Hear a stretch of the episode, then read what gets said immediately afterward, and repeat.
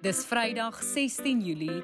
Wat 'n week. Daar het so baie gebeur en ek is seker baie van julle is nou al keelvol vir die nuus. So laat ek jou gou op hoogte bring met jou weeklikse bondige nuusoorseig met my, Mia Spies.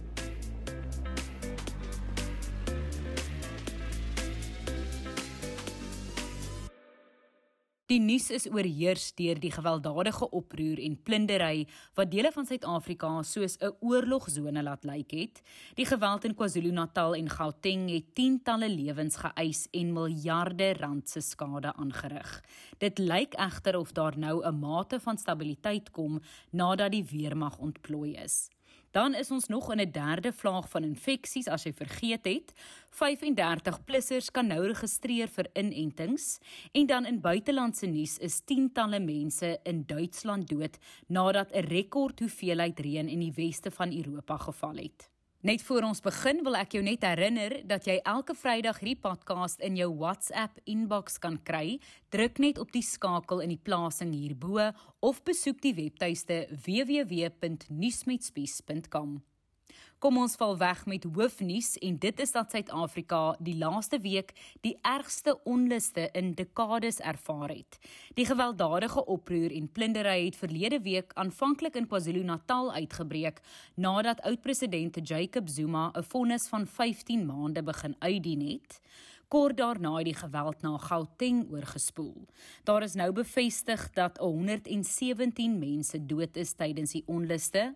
Meer as 1500 mense is nou al in hegtenis geneem. President Cyril Ramaphosa het die land Maandag aan toegespreek oor hierdie voortsleepende geweld. What we are witnessing now are opportunistic acts of criminality with groups of people instigating chaos merely as a cover for looting and theft. There is no grievance nor any political cause that can justify the violence and the destruction that we have seen in parts of KwaZulu-Natal and Gauteng. Die waarnemende minister in die presidentskap, Kumbutso Ntshavheni, het donderdag 'n oorsig van die situasie gegee Sy het gesê een van die 12 vermeende aanhitsers van hierdie geweld is reeds vas. Question around the 12 alleged instigators. We want to report that one is already in custody and the South African Police Service tracking team has increased the surveillance of the remaining 11. Sy sê die grootste prioriteit nou is om seker te maak dat die hoofpaaie heropen kan word. Ministers in the economic and infrastructure cluster have been working with industry to ensure the restoration of supply chains movements of goods, and the restoration of port operations. The Net Joints is working tirelessly to ensure the reopening of the N2 and N3 to ensure the movement of goods. Ek het vir die politieke ontleder professor Andrei Dievenage gevra hoe ernstig die situasie is. Dit is van die ergste geweldplundery in die geskiedenis van Suid-Afrika, nie net sedert 1994 nie. 'n Mens sou kon sê daar was patrone maar op hierdie stadium is dit geeskaleer veral in KwaZulu-Natal en Gauteng by die punt waar die polisie en die weermag dit met uiterste moeite kan bestuur en kan hanteer. Intussen het die minister van verdediging Nosiviwe Mapisa in Kakula gesê 'n versoek is ingedien vir die ontplooiing van 25000 soldate om die polisie by te staan om wet en orde te herstel, dit nadat 2500 soldate aanvanklik ontplooi is. We've now submitted a request for deployment of plus minus 25000 members. So, in other words, we're trying to find a middle way between the 75 and the 10,000, which was uh, proposed by the president. So, we, we, we will start a chairperson with die die 25. Die wenaar gesê dit is 'n stap in die regte rigting. Dit is goed dat die weermag ontplooi is. Ek glo ons moes dalk al eerder 'n vorm van 'n noodtoestand gehad het en meer aktiewe betrokkenheid van die weermag, die polisie en selfs die ander veiligheidsinstellings gehad het. Wat my baie bekommerd maak is dat die intelligensiediens nie hierdie probleem by voorbaat kon lees nie. Dit laat die vraag ontstaan of daar sabotasie was van binne die veiligheidsomgewing. Ons weet dat die staatsveiligheidsagentskap is baie sterk geïmpliseer deur die Zondo-kommissie en dit is 'n rede tot kommer, maar die aanwesigheid van die polisie en die weermag is noodsaaklik. Ons moet orde herstel en daarna moet ons opruim en weer herbou. Verskeie gemeenskappe, groepe, verenigings en individue het self ingespring om hulle woongebiede en besighede teen plunderaars te beskerm. Dan het mense ook in groot groepe bymekaar gekom vir skoonmaakoperasies en om op te ruim in die gebiede wat deur hierdie onluste geraak is. Dan was daar kommer gewees oor moontlike rassespanning wat ontstaan het as gevolg van hierdie openbare geweld in dele van KwaZulu-Natal. Meer as 15 mense is dood in onluste in Phoenix, dit is noord van Durban. Die minister van polisie, Bekkie Cele, het die gebied besoek en dit te sê gehad. If there is that element of of of uh, racism it will be secondary uh, to criminality we are running criminality in this community and uh, the the cases that are being investigated here are 14 and confirmed dead people uh, 20 bodies, but some people are missing those bodies might go up. Dan was daar ook die geval hierdie week waar die premier van KwaZulu-Natal, Sihle Zikalala, 'n plunderaar met sy vuiste bygekom het. 'n Video daarvan word wyd op sosiale media gedeel. Zikalala het om verskoning gevra vir hierdie voorval. Nog 'n video wat wyd gedeel word is 'n ma wat haar baba uit 'n gebou gegooi het nadat die gebou deur plunderaars aan die brand gesteek is. Sy het in 'n onderhoud met die BBC gesê sy het geen ander opsie gehad as om vreemdelinge te vertrou om haar baba te vang nie. Luister hier na die oomblik toe die baba veilig in die arms van die mense buite die gebou geland het.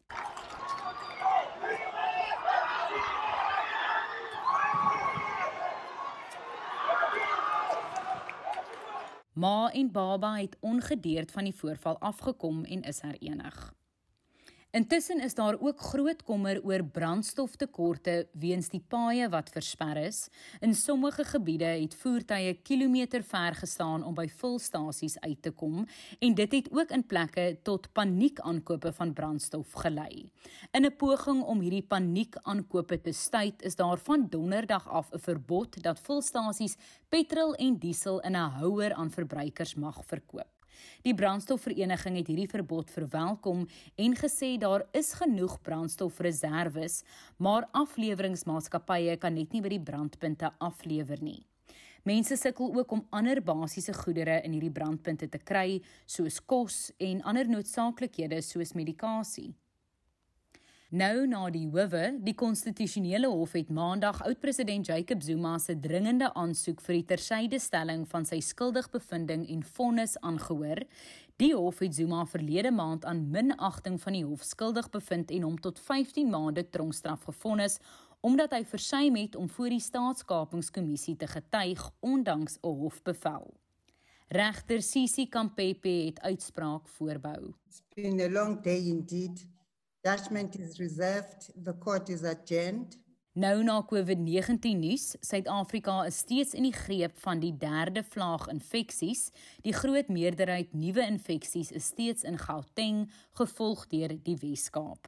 Volgens die jongste syfer is daar tans meer as 205 000 aktiewe gevalle in die land.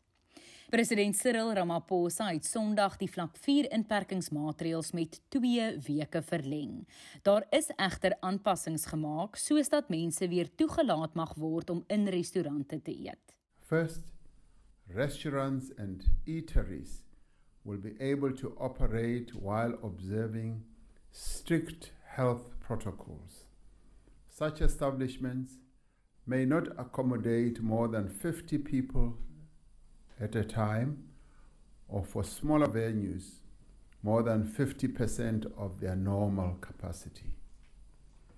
Certain other venues, such as gyms and fitness centers, may also open, and activities such as agricultural livestock and game auctions will be allowed. Subject to the conditions outlined in regulations. Die inperkingsmaatreëls is ook later die week verder aangepas om die onluste te hanteer. Tot dusver was alle byeenkomste onder vlak 4 verbode, maar nou laat die regering sekere byeenkomste soos byvoorbeeld deur gemeenskapsleiers in tye van noodgevalle toe. Hierdie wysigings is reeds in die staatskoerant gepubliseer.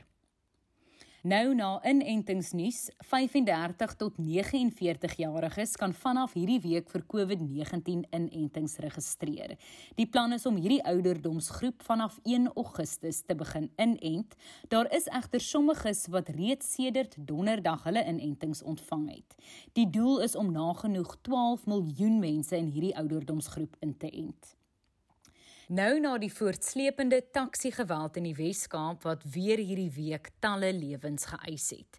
In een voorval is passasiers beseer toe 'n skieter op 'n taxi op die N2 losgebrand het en in 'n ander is 'n metropolisiebeampte geskiet. Die geweld hou glo steeds verband met taxi-organisasies se stryd oor roetes. Die Weskaapse vervoer ALR Dylan Mitchell sê indien die geweld voortsleep, sal sekere taksiroetes en staanplekke gesluit word. Ons eindig met buitelandse nuus. Die dodetal styg steeds nadat rekordneerslae aangemeld is in die weste van Europa. Meer as 40 mense is dood en talle word vermis nadat swaar reën rivieroewers laat breek het. Huise en selfs kelders is ook weggespoel. Nog reën word vandag in die streek verwag. Nou dat jy op datum is na hierdie dolle week, is jy reg om naweek te gaan hou. Nuus met Spies is 'n produksie in samewerking met die Potgooi Produksiehuis Volume. Ons vervaardigers is Roland Perolt en Andy Siwe May. En ons kenwysie is deur Curtis Kaul gekomponeer. Ons gesels dan weer volgende Vrydag wanneer ek hopelik meer goeie nuus gaan bring. Bly warm en bly veilig.